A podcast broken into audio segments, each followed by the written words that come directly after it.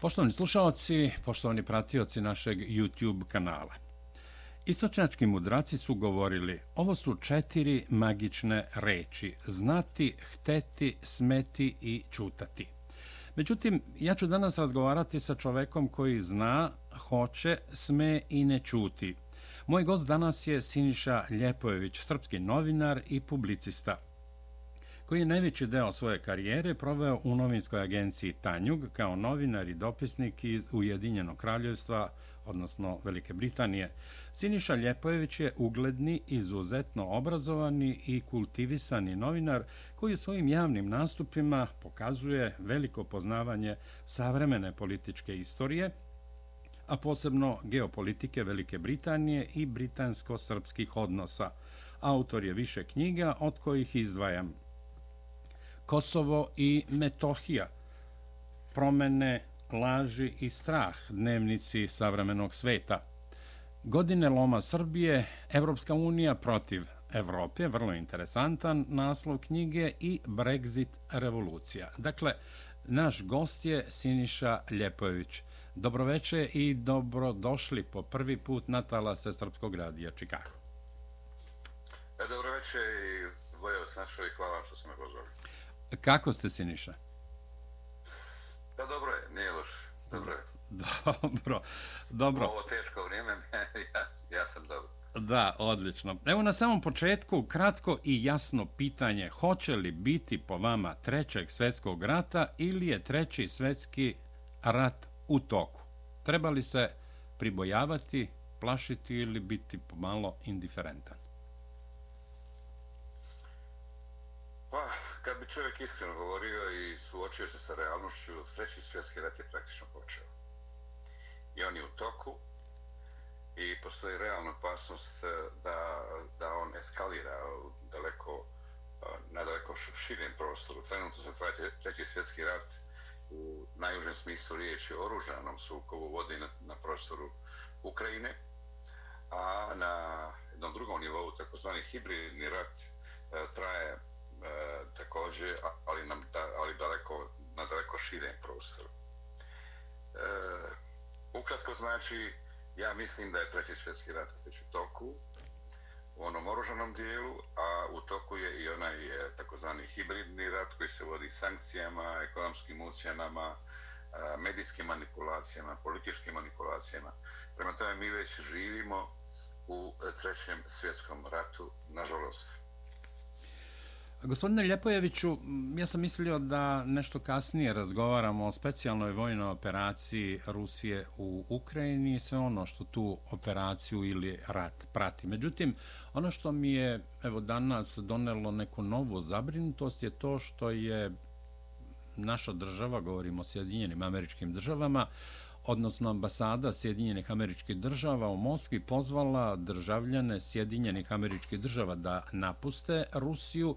Istovremeno Francuska je pozvala svoje državljane da napuste Belorusiju. Kako vi gledate na te pozive? O čemu se tu radi? Pa na prvi pogled to je klasičan uh, politički trik, da kažem, jer sam poziv da državljan jedne zemlje napuste drugu zemlju sugeriše da je u očekivanju neki, neki problem, e, eskalacija, dalja eskalacija nesporazuma tih zemalja i državljani jedne od tih zemalja su ugroženi u drugoj od tih zemalja. Na to su sugeriše prvo tehnologija političko-diplomatska, a drugo, zašto baš sada? Znate, napetosti između Rusije, a prije toga Belorusije i Evrope i Zapada traju već dugo vremena. Tako da to može da bude jedan politički trik. S druge strane, može da znači da te zemlje, kao što je Amerika i Francuska, procenjuju da će doći do dalje eskalacije sukoba u Ukrajini, E, što bi moglo da poveća napetosti u Rusiji i u Belorusiji i da bi mogli državljani tih zemalja da budu na neki način žrtva nekog nasilja. E, I jedna i druga stvar su, nažalost, moguće. Znate. E, znači da je politički trik, ali isto tako da, bi, da se očekuje dalja eskalacija sukoba u Ukrajini i naravno onda bi bilo vrlo teško e, dostići neki nivo bezbjednosti, jer američka ambasada u Moskvi je rekla da jednostavno ne može, nema kapaciteta da štiti e, građane e, Amerike u Rusiji i da štiti njihovu bezbjednost. E, to je ovako kad se kaže u medijima zvuči ovako dosta zabrinjavajuće, bombastično. Međutim, u cijelini situacije to nije, nije ništa novo. Mi ne znamo one stvari koje nisu objavljene, to je u kojoj mjeri je se e, specijalna, da kažem, psihološka operacija vodi e, protiv Rusije i Belorusije, ko su njihovi operativci, znate, te zemlje, zapadne zemlje, bez obzira na, e, da kažem, nesporazume i ovo sukobljavanja i rata u Ukrajini, još uvijek imaju dosta veliku mrežu i u Rusiji i u Belorusiji i sigurno je da e, pokušavaju da zaštite tu svoju mrežu na, na način da e, stvaraju jedno mnijenje u javnosti, znate, ipak je e, ovako dosta zabrinjavajuće kad se tako saopštenje postoji treći nivo, a to je održavanje napetosti u domaćoj javnosti na zapadu. Jer kao što znate, javnost na zapadu uh, Eh, sad posle godine dana eh, ratnih sukoba u Ukrajini polako gubi interesovanje i za Ukrajinu i za taj rat. Zabrinute domaćim problemima od inflacije do uh, sve težeg života. Tako da se i to koristi za održavanje uh, prisustva ukrajinske krize u domaćoj javnosti i za održavanje izvese napetosti u domaćoj javnosti. Prema tome, mi smo svjedoci jednog vrlo komplikovanog razvoja, da kažemo, u najširem smislu riječi tog trećeg svjetskog rata.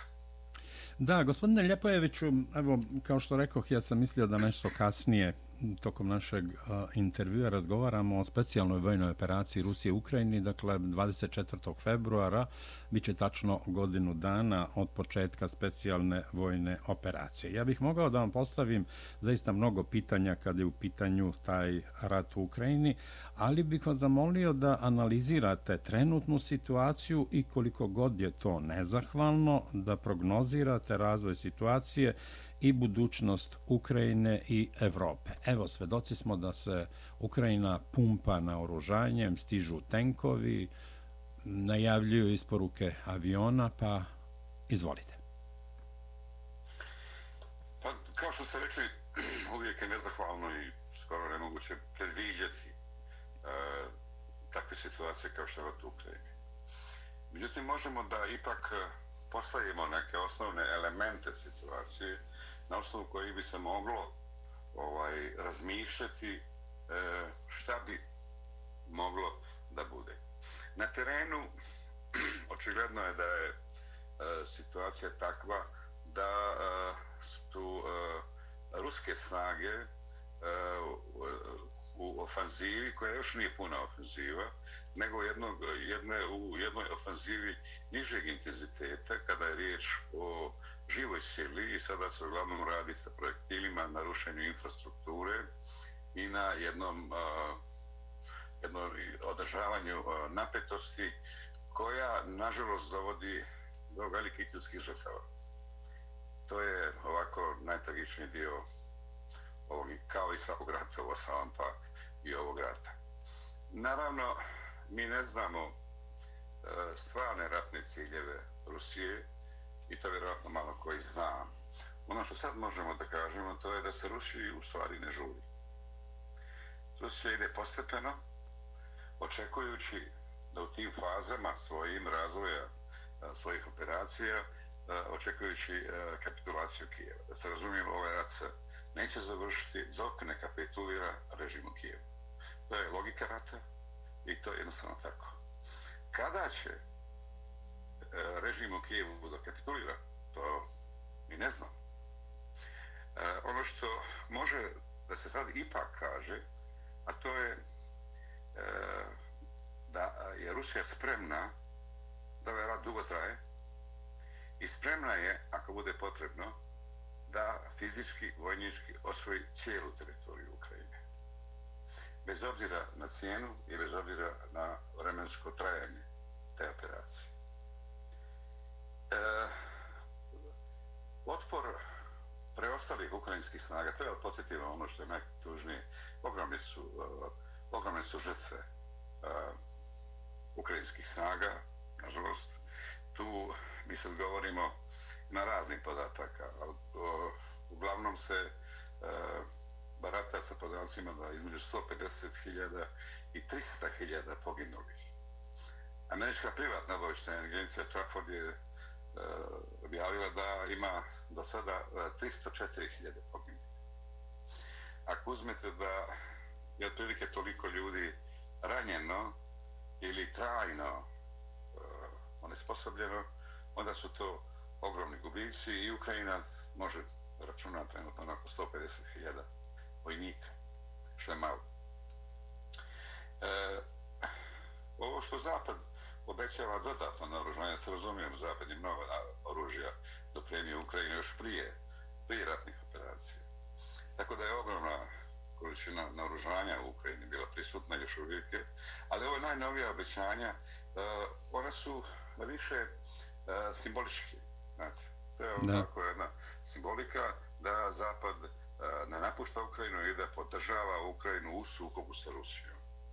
Uh, I na primjer 14 tenkova koji će da pošalje Velika Britanija. Pitanje kada će postati, jer e, pa sve ja znam tenkovi iz Njemačke, pa ovo, pa to, znate, to ne, da liko stvarno vjeruje da to možda promeni kurs rata u Ukrajini. Dodatni problem je obuka na tim ovaj, sredstvima, na tim tenkovima, to su prilično sofisticirani e, tenkovi, obuka dugo traje, dalje održavanje tih e, tenkova je dosta komplikovano, Uh, tako da je to pomalo, pomalo neizvjesno. Uh, novi, uh, novi detalj je uh, navodna isporuka borbenih aviona. To je također krajnje ovako diskutabilno, ne blaže rečeno. Prvo, obuka na tim avionima traje oko tri godine. Ne možete i da sedete u avion kao da kupite biciklu ili da vozite Da.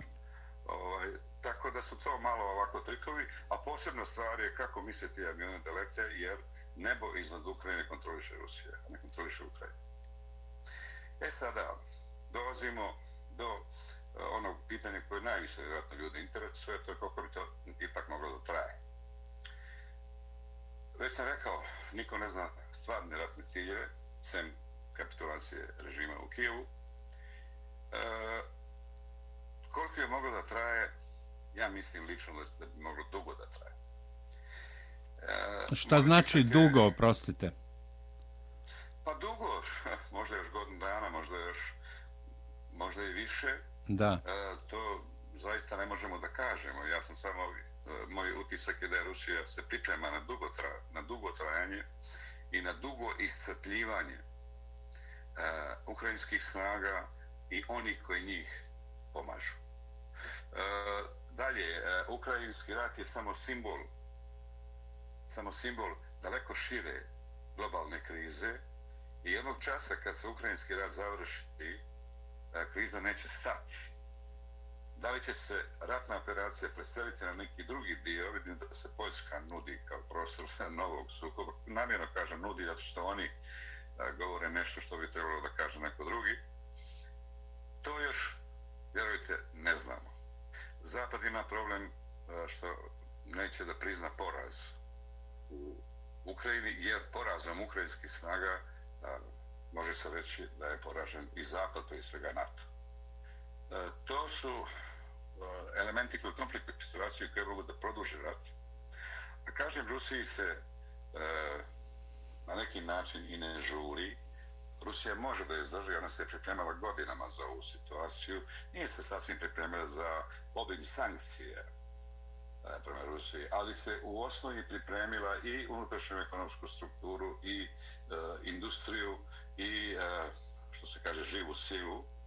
Prema to je Rusija možda izdrži dugo, jer e, čak možda bi neko, na neki način to moglo biti interes Rusije, to duže traje, jer preko rata u Ukrajini se iscrpljuje i Zapad, koji je da. u sukobu sa Rusijom. Da, ovo je takozvani proksi rat do posljednjeg Ukrajinca, tako kažu.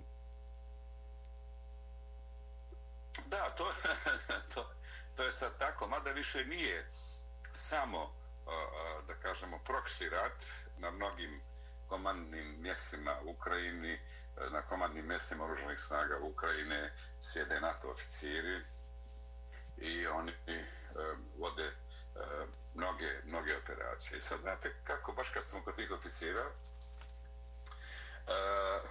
ta situacija mnogo me posjeća na Vjetnam.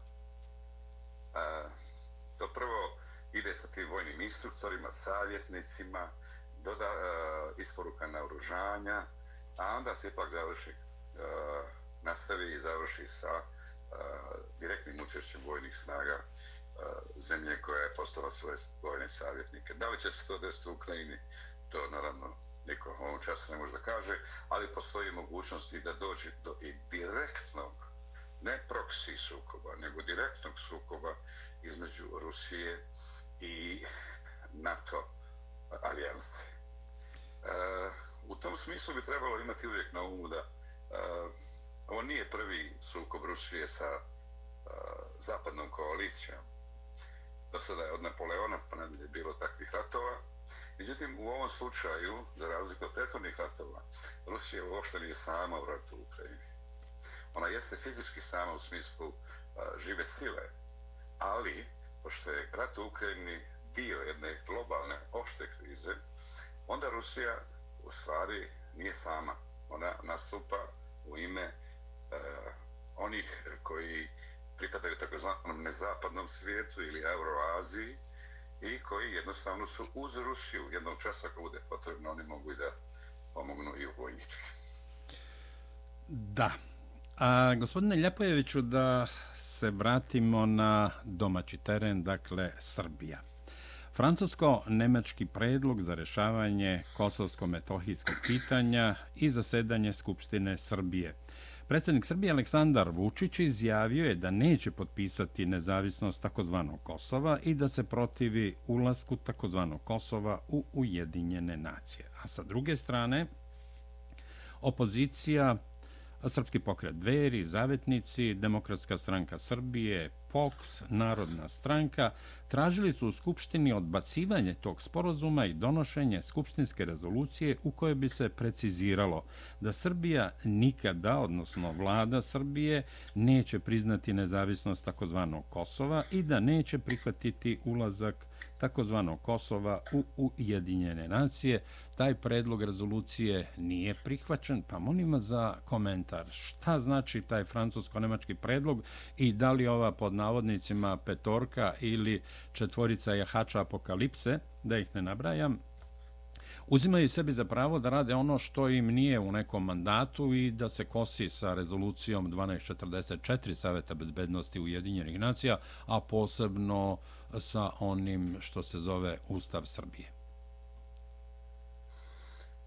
Pa, eh, situacija je zaista haotična.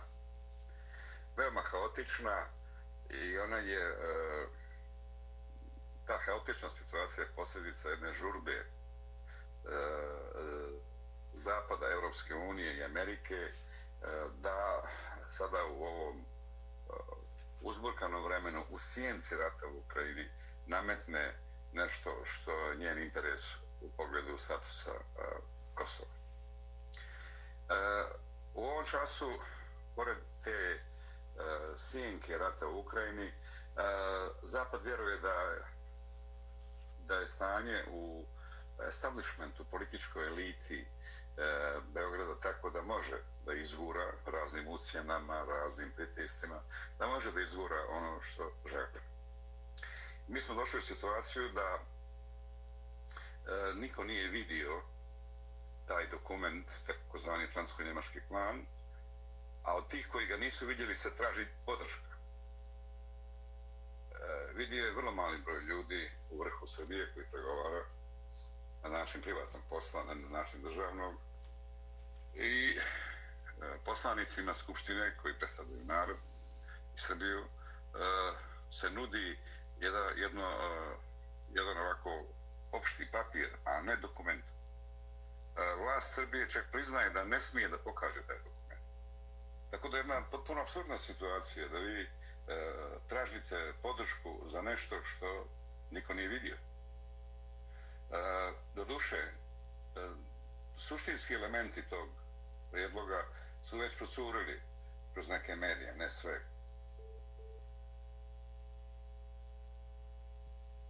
Halo. A za Srpski radio Čikago govori Siniša Ljepojević, novinar i publicista. Imamo očigledno mali prekid. Evo, pokušat ćemo ponovo da uspostavimo vezu. Siniša Ljepojević. Da, ovo je, ovo je mali problem. Inače, kad se u Beogradu, dakle, se javlja Siniša Ljepojević, kad ga pozove neko drugi, onda se prekida internet veza i veza putem Vibera. Dakle, Siniša Ljepojević, gost Srpskog radija Chicago. Govorimo o specijalnoj vojnoj operaciji Rusije u Ukrajini. Halo, Siniša. Halo? Da, imali smo prekid. Izvijem se, zvoni mi telefon. Ovaj. Da, da, da, pa kod vas tamo ovaj, čim se a, lokalna veza uključi, prekida se ovaj Viber. Da. Izvolite, pretpostavljam da. da znate gde smo stali.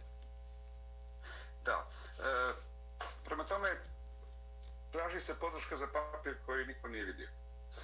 Uh, u jednom dijelu medija je ipak procurilo a, ključni elementi. Ključni elementi su potpuno klasičnom zapadnom stilu da se nešto tra, da se kaže ono što u stvari neće da se kaže direktno nego se to ovako jezički vrti i vi na kraju prihvatite nešto što u stvari uopšte nije to. Znači suština je da Srbija prizna Kosovu državnost Kosova i da jednostavno to Srbija prihvati da je to druga država.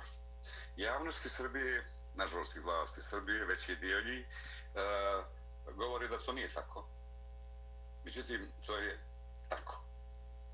E sada, uh, javnosti se predstavlja da uh, će ipak biti formirana zajednica srpskih opština, a niko ne zna šta je to.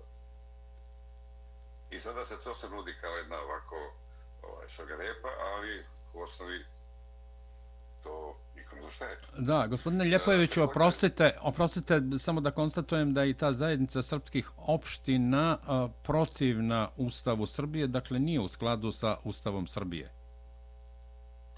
Apsolutno, ovdje ništa nije od brislavskih sporazuma, ništa nije u skladu sa Ustavom Srbije. Ali sam rekao, to je privatni posao postao odavno. E sada, ovaj, onda se javno se stalno govori kako uh, Srbija neće dozvoliti članstvo u Jedinim nacijama. To je besmisleno.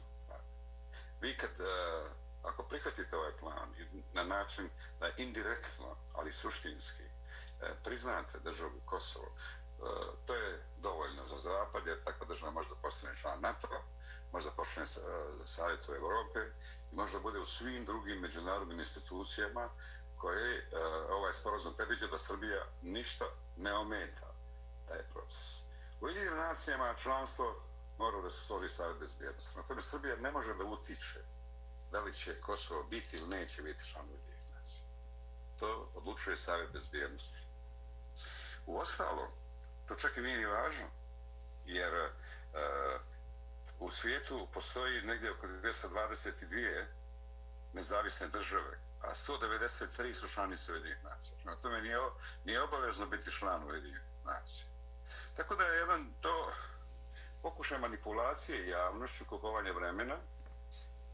Suština je da se od e, Srbije traži priznanje državnosti Kosova, legalizovanje bombardovanja 99. godine i sveg onog nasilja političkog do fizičkog nasilja koje traje evo već 24. godinu.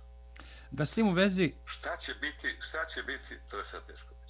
Da, s tim u vezi htio sam da, da podsjetim samo na izjavu našeg ambasadora u Beogradu, dakle američkog ambasadora u Beogradu, Kristofera Hila, koga srpski narod ne pamti po dobru, da budem blag, koji je izjavio da Srbija mora do kraja godine da prihvati predlog francusko-nemački s tim što on kaže da klatno, srpsko klatno treba da bude okrenuto prema zapadu, a ne prema Rusiji i istoku. Sa druge strane, ruski ambasador u Beogradu Aleksandar Bosan Harčenko kaže Kosovo treba rešavati u svetlu novih geopolitičkih a, a, situacija kada Rusija pobedi. Kako vi vidite ono što bi se u diplomatiji nazvalo mešanje u unutrašnje stvari Srbije kada je u pitanju naš ambasador Christopher Hill koji istovremeno naravno maliciozno kaže ja se uopšte ne mešam u unutrašnje stvari i pitanja Srbije, ja samo predlažem.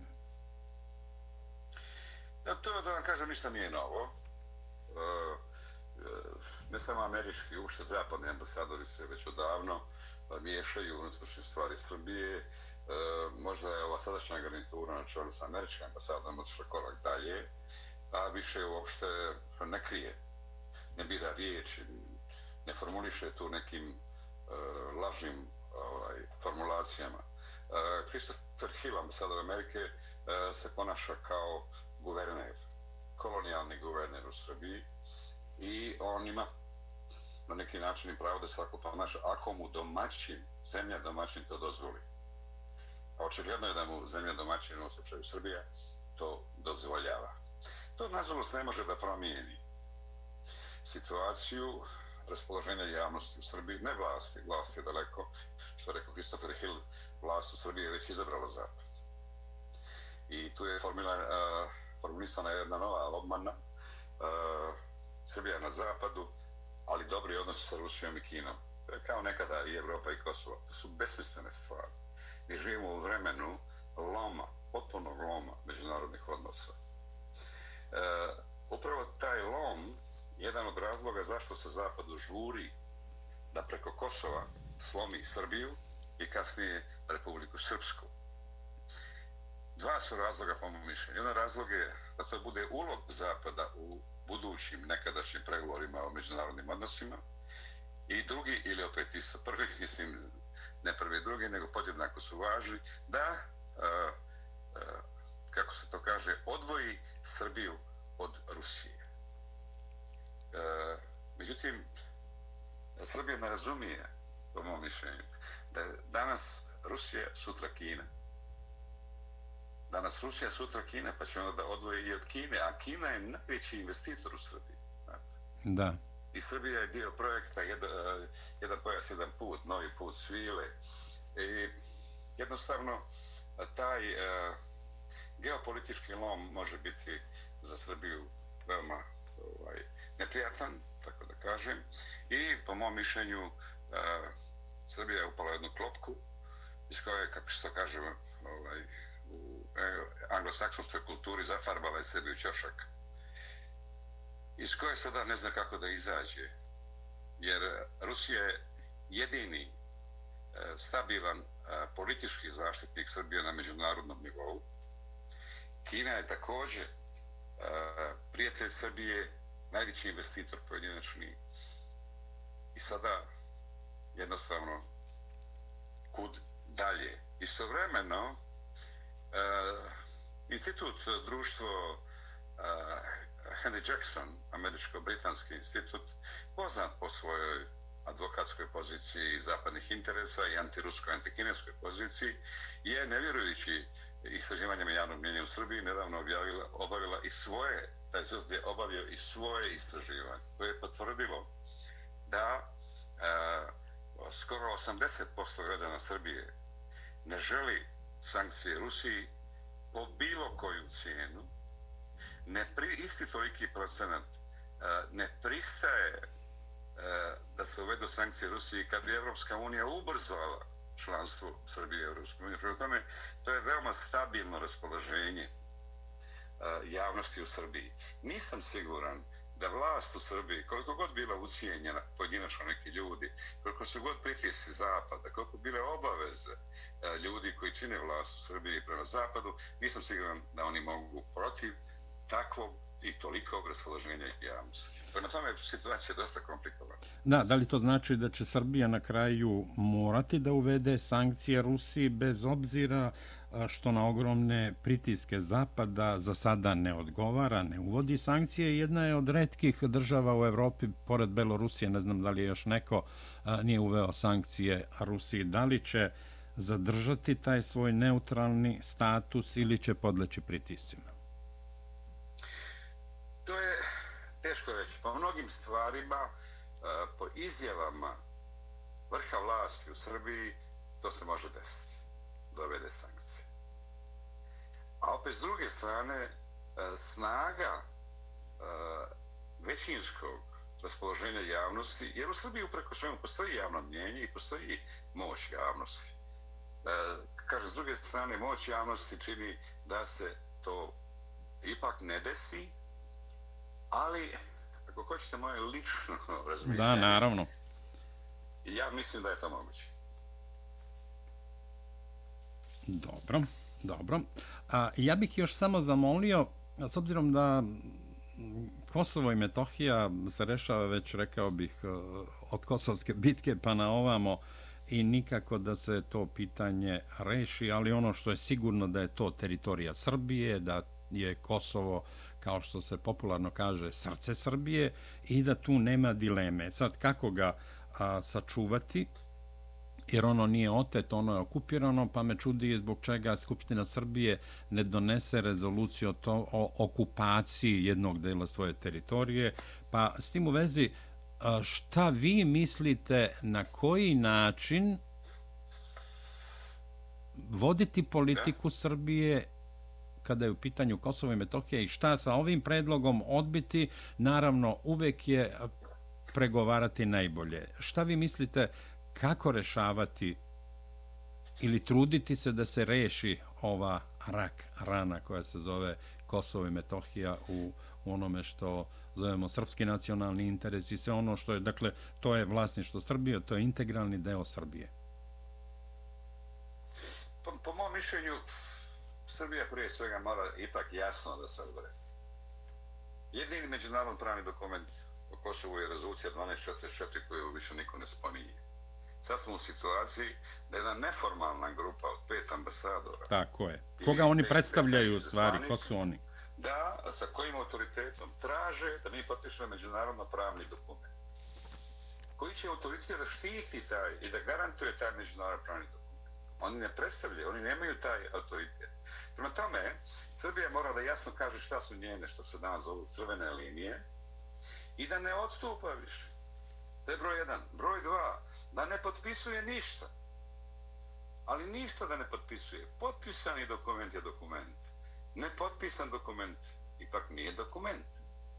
Da ništa ne potpisuje i da bude spremna na jednu dugoročnu borbu povratka kontrole na, svoj, na tim dijelom državne teritorije. Jer ovdje nije, ovdje se koristi etničke napetosti, etnički sukob. Ovdje nije suština u tome. Suština je u oduzimanju otimanju, tačnije, državne teritorije. Ko će da živi na toj teritoriji? Koji narod? To nije bitno, mogu živi kinezi. Ovdje se radi, u prvoj instanci govorim, da se radi o zaštiti državne teritorije. U sukobu 99. godine niko nije pobjedio. Znate. To je bio sporazum o prekidu I vojska Jugoslavije ili srpska vojska nije poražena. Ona se povukla. Niko nije, nije poražen ni NATO, ali srpska vojska. To niko nije pobjedio. A onda je došao Richard Holbrooke, po koji mi je rekao da, su, da je Zapad pobjedio. I onda je došlo do smjene vlasti i dovođenja na vlast ljudi koji su prihvatili tu laž. I ta laž traje do dan danas. Prema tome, vrlo jasna pozicija Srbije prema državnoj teritoriji, I broj dva, ništa ne potpisivati. Moje vas, Francuska je čekala 50 godina da povrati Loren i vratila je Loren. To mora biti dugoročni posao, dugoročna ovaj, strategija. Da s tim u vezi, predsjednik Srbije Aleksandar Vučić kaže nikada neću potpisati nezavisnost Kosova i ne prihvatam članstvo Kosova u Ujedinjenim nacijama. Već sam rekao, članstvo Kosova u Ujedinjenim nacijama ne zavisi od Srbije. To je obmana. Druga stvar, e, da neće potpisati priznanje Kosova. E, to je igra riječi. Ovaj e, prijedlog plana Francusko-Njemačkog je priznanje nezavisnosti Kosova. Da, ti deset tačaka u principu o tome govori. Pa da, nije šija, jeste vrat. Drugo, Srbija je već toliko napravila ustupa kada je već napravila praktično neku državu Kosovo, Da se razumijemo, Kosovo ima svoj pozivni telefonski broj, energetski sistem je odvojen od Srbije, e, kompletna infrastruktura odvojena od Srbije. Tako da je već mnogo toga propušteno. Ali dok se god ne potpiše konačni sporazum, ima neke šanse. I zato ne treba potpisivati. Da, jasno je. A, gospodine Ljepojeviću, a, evo kratko bih samo naveo izjavu albanskog premijera Edija Rame, za koga predsjednik Srbije Aleksandar Vučić kaže da mu je prijatelj. On je na Facebooku napisao, Prizren vam uvek pruža posebno zadovoljstvo. Albanska istorija se osjeća u vazduhu koji udišete i ljudi imaju veoma dobru energiju gde god da pogledate. Dakle, a, a, kako gledate na te izjave tog obskurnog Edi Rame sa belim čarapama, patikama i tako dalje? To vizualno samo govorimo o tome da, da je čovek onako poprilično obskuran, a izjave su mu na liniji a, a, Velike Albanije. A, dokle će Srbija na neki način a, ne samo dozvoljavati, ona ne može da zabrani šta će reći Rama ili nekakav Kurti, ali a, zašto Srbija odlučnije ne reaguje kada su u pitanju takve izjave i zašto odlučno ne stoji iza rezolucije Saveta bezbednosti Ujedinjenih nacija 1244 i albanskog vazduha koji će se proširiti, rekao bih, i kada budu formirali taj takozvani otvoreni Balkan. Pa to je zaista nejasno, znate. To je nejasno zašto Srbija, aktuelna politička Srbija, toleriše takve stvari. Još ja razumijem zašto to govori Edi Rama. On je ipak uh, uh, albanac, premijer Albanije i on ima svoje interese tu i ti interesi su u osnovi legitimni jer on ponaša se kako mu se dozvoli. Jel? Zašto Srbija to dozvoljava i zašto Edirama ima veoma dobar status u političkoj Srbiji? Albanija je sad u tom otvorenom Balkanu, u prevodu ne bi trebalo da bude takvih izjava i takvih e, riječi. Zašto je to tako? To pravo da vam kažem, je veliko ovako pitanje. Da li je riječ da su klijenti obe strane su klijenti iste sile, da li je isti gazda, što bi rekli u banci. To je sad e, ključno pitanje, jer očigledno da neko izvan dvije strane diktira i reagovanja i ono što će neko da kaže. Do duše treba biti e, korektan. Ja, da, izvolite, izvolite. Mada, mada ja ne mislim da da riječi Edija Rame mogu da promijene mnogo, ali ipak trebalo bi, se, trebalo bi da se vodi o nekoj elementarnoj pristojnosti. Da, treba biti da, e, treba biti politički pod navodnicima korektan pa reći da je ministar spoljnih poslova Srbije uh, Ivica Dačić reagovao i napisao u vazduhu se danas u Prizrenu, to sam malo pre video, evo tokom ovog razgovora, u vazduhu se danas u Prizrenu može osjećati samo etničko čišćenje i genocid nad srpskim narodom i ideja Velike Albanije, dokle će albanskim političarima biti dozvoljeno falsifikovanje istorije. Reagovao je, dakle, Ivica Dačić. Pa rego je sa Dačića, vidimo da, on, da on sad ima problema u Beogradu, vjerovatno ne zbog toga, nego da. zbog ukupne neke pozicije prema tim aktualnim događanjima plana odnosa sa Rusijom. E, I on sad postaje jedna vrsta nepoželjne osobe. Ali kažem, e, pjesnik je rekao, u, ubi me pre, prejaka riječ, ali u ovom slučaju riječ ne mogu promijeniti mnogo. U ovom slučaju zaista riječ ne mogu promijeniti.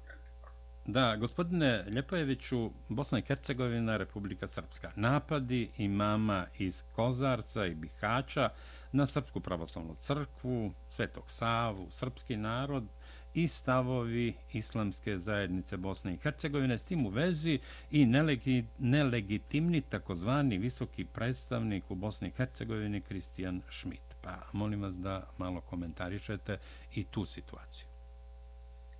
Pa problem, eh, Eh, osnovni problem Bosne i Hercegovine je što eh, Zapad eh, je samo proglašeni vlasnik Bosne i Hercegovine, to je i Bosna i Hercegovina uz Kosovo jedina kolonija Zapada na evropskom kontinentu i Zapad da bi ostao kolonijalni upravnik Bosne i Hercegovine mora samo da drži na nivo napetosti, nivo sukoba. Svako ublažavanje situacije ili pomirenje e, ljudi koji tamo žive nije u interesu Zapada. I onda se koriste razne prilike. Republika Srpska je dežurni krivac. Onda se posebno Zapad uh, e, hoće da prikrije taj sukob između Hrvata i muslimana. Oni su zvanično u federaciji. Mislim, to je jedan ozbiljan i dubok politički i etnički sukob. Uh, I onda se najčešće koriste uh, neki dijelovi, neke, neke strukture društva kojima se može manipulisati. Znate. E, veliki dio islamske zajednice u Bosni i Hercegovini pripada takozvanom političkom islamu, koji nema nikakve veze sa islamom, da se razumijemo, e, nego jednostavno je u funkciji e, političkih ciljeva e, Zapada koji je formirao politički islam. E, moj, moj utisak je da se pažljivo prati procesi Eh, ublažavanja eh, tih sukoba, sporova eh, između muslimanskog dijela Bosne i Hercegovine i Republike Srpske. I onda kad se osjeti da to polako blijedi, onda se koriste ovako neke izjave tih sveštenika, hođa, jeli, da bi se jednostavno kroz medije održavala napetost. Ja mogu da vam kažem, ja sam sad se vratio iz Bosne i Hercegovine, narod mnogo ne vodi računa o tome, znate. Da. E, ne vodi računa. Ne vodi računa o tome i to je jedna uzaludna posao, jedna pogrešna procjena. To ne može promijeniti situaciju na terenu. Naravno, uvijek ima ljudi koji će uh, slijediti te neke ovaj, e, napetosti, da kažem, ekstremne izjave na, na svim stranama, ne samo na muslimanskoj strani. Ali uh, generalno, moj utisak je da to nema nekog efekta na realnost u Bosni i Hercegovini, gdje je, barem kada je reč o Republike Srpskoj i o e, muslimanskom dijelu Bosne, došlo do prilično ovako povezivanja i poslovnog i, u, i, u, i ljudskog, do ljudi dolaze u goste, ovo ono, a uvijek ima nekih e, ljudi koji su možda za 100 maraka, što kažu, spremni da kažu neku besmislicu. Ja bih pritome volio da podsjetim da e, većina islamskih zemalja ne podržava to što rade e, muslimani u Bosni i Hercegovini. Izuzev Turski.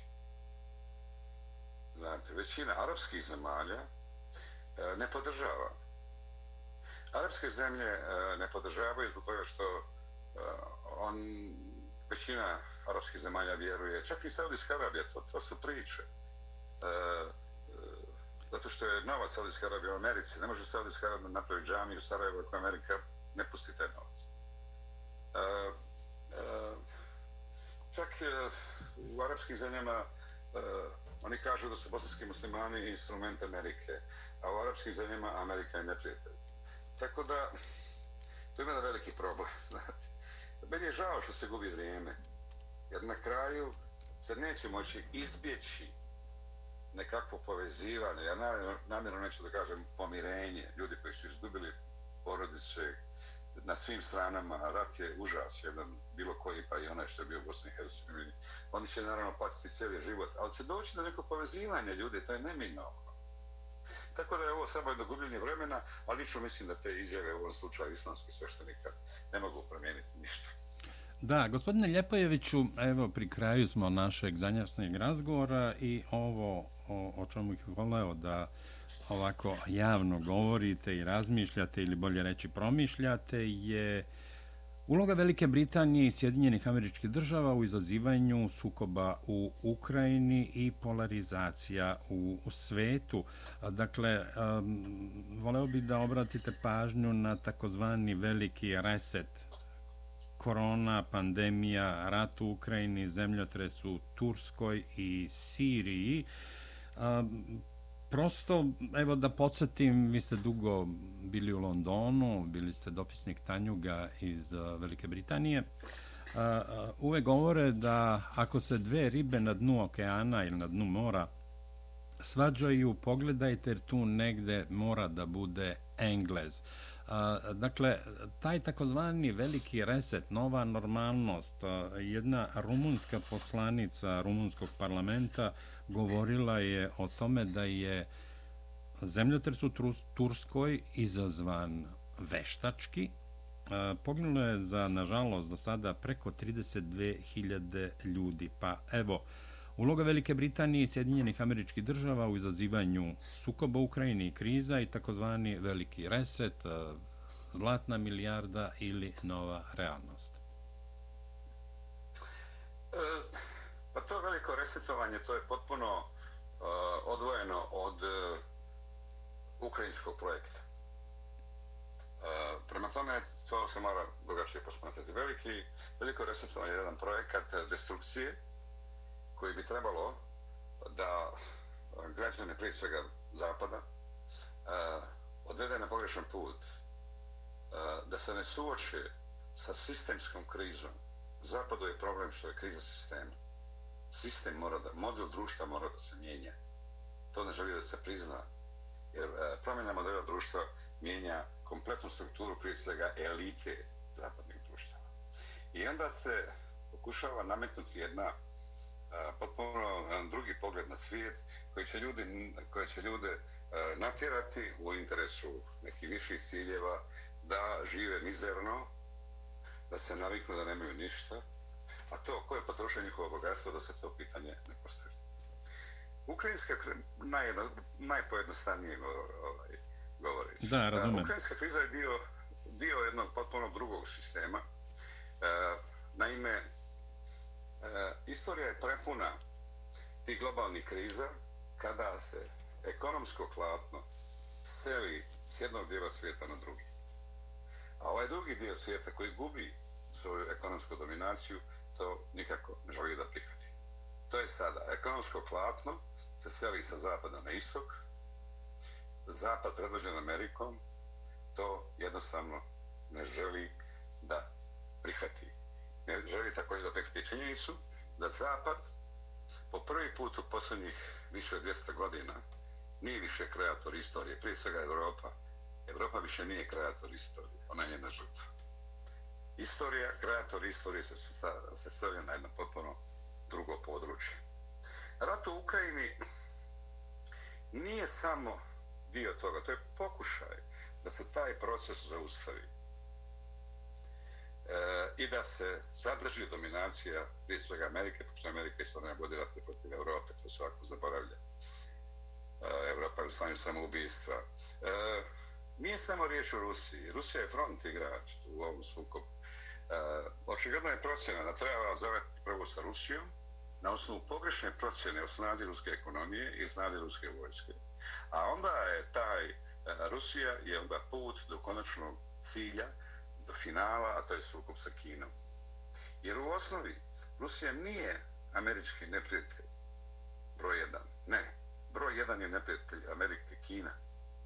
I Kina je, naime, po američkim procenama, ja ne govorim da je to tačno, ali po američkim procjenama i krajnji cilj je Kina. Ja lično mislim da je to pogrešna procjena a, koja će dovesti, nažalost, i već je dovela do velikog broja ljudskih žrtava. Kako će to dalje ići, teško je reći, s obzirom da je prije svega u zapadnim zemljama veliki haos, haotično je. U, na zapadu je u toku takozvani građanski rat elita.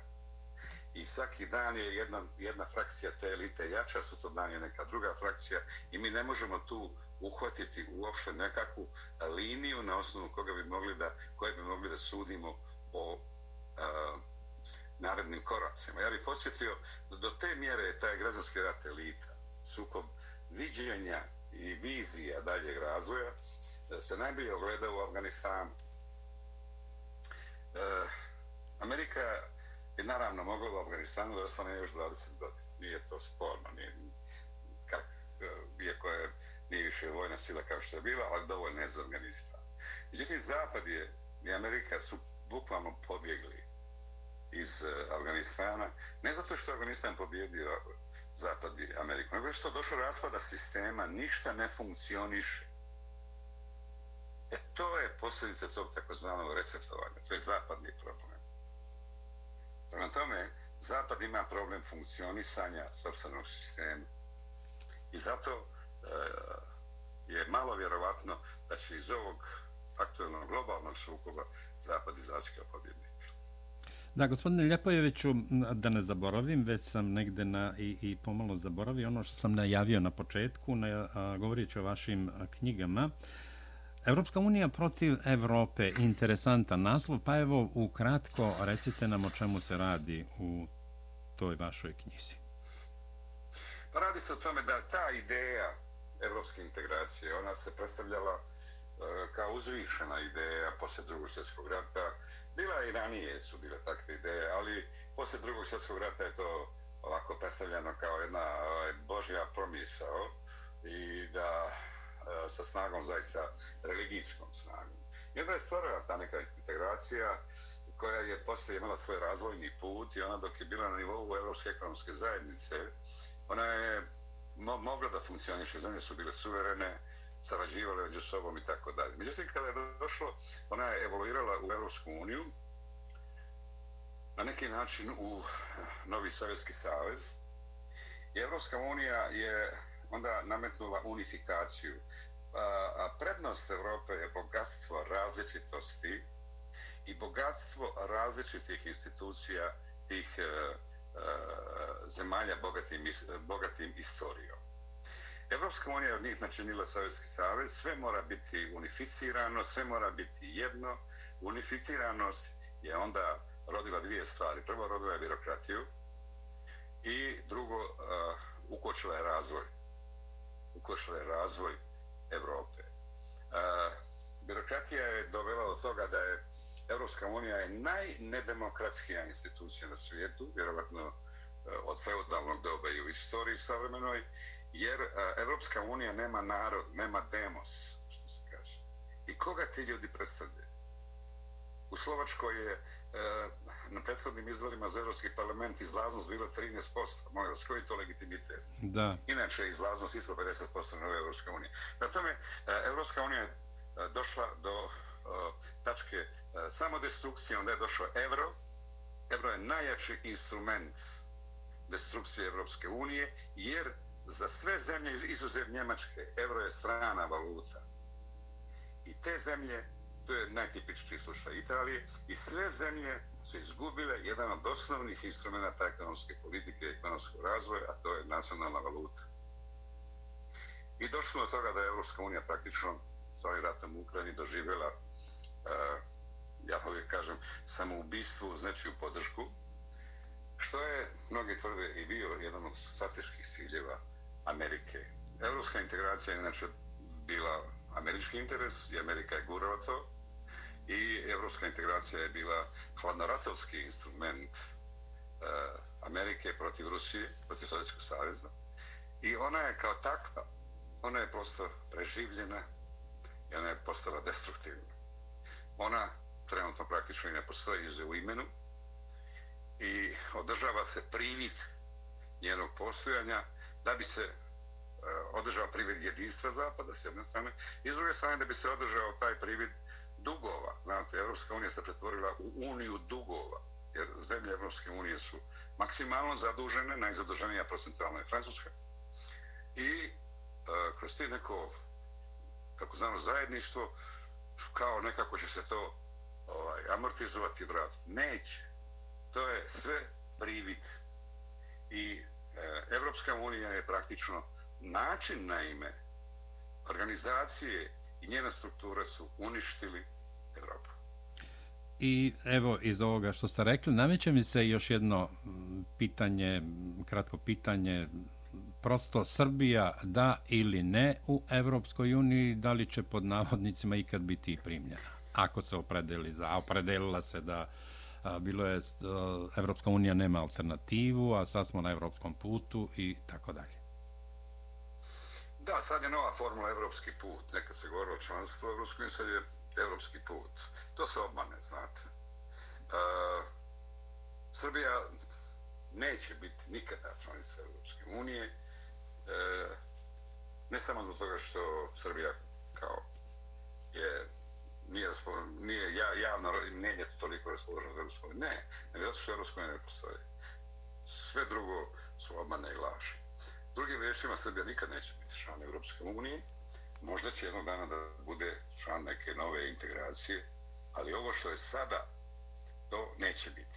Naravno, vlasti, ne samo u Srbiji, nego i u mnogim drugim zemljama, e, tu e, mantru članstva Europskoj uniji koriste za pokrivanje sobstvenih političkih praznina. I kada nemate e, sobstvenu političku viziju, kada nemate rješenje za sobstvene probleme, onda se uvijek krijete iza tih nekih nacionalnih institucija, u ovom slučaju Evropske unije. E, tako da, da je to jedna, jedna velika prevara, nažalost. A da, gospodine Ljepojeviću, hvala vam što ste odvojili vaše vreme i govorili za Srpski radio Čikago. Hvala i vama što ste me pozvali. Hvala. A poštovani slušalci, poštovani pratioci našeg YouTube kanala, naš današnji gost sa velikim zadovoljstvom i privilegijom, kažem, bio je Siniša Ljepojević, srpski novinar i publicista.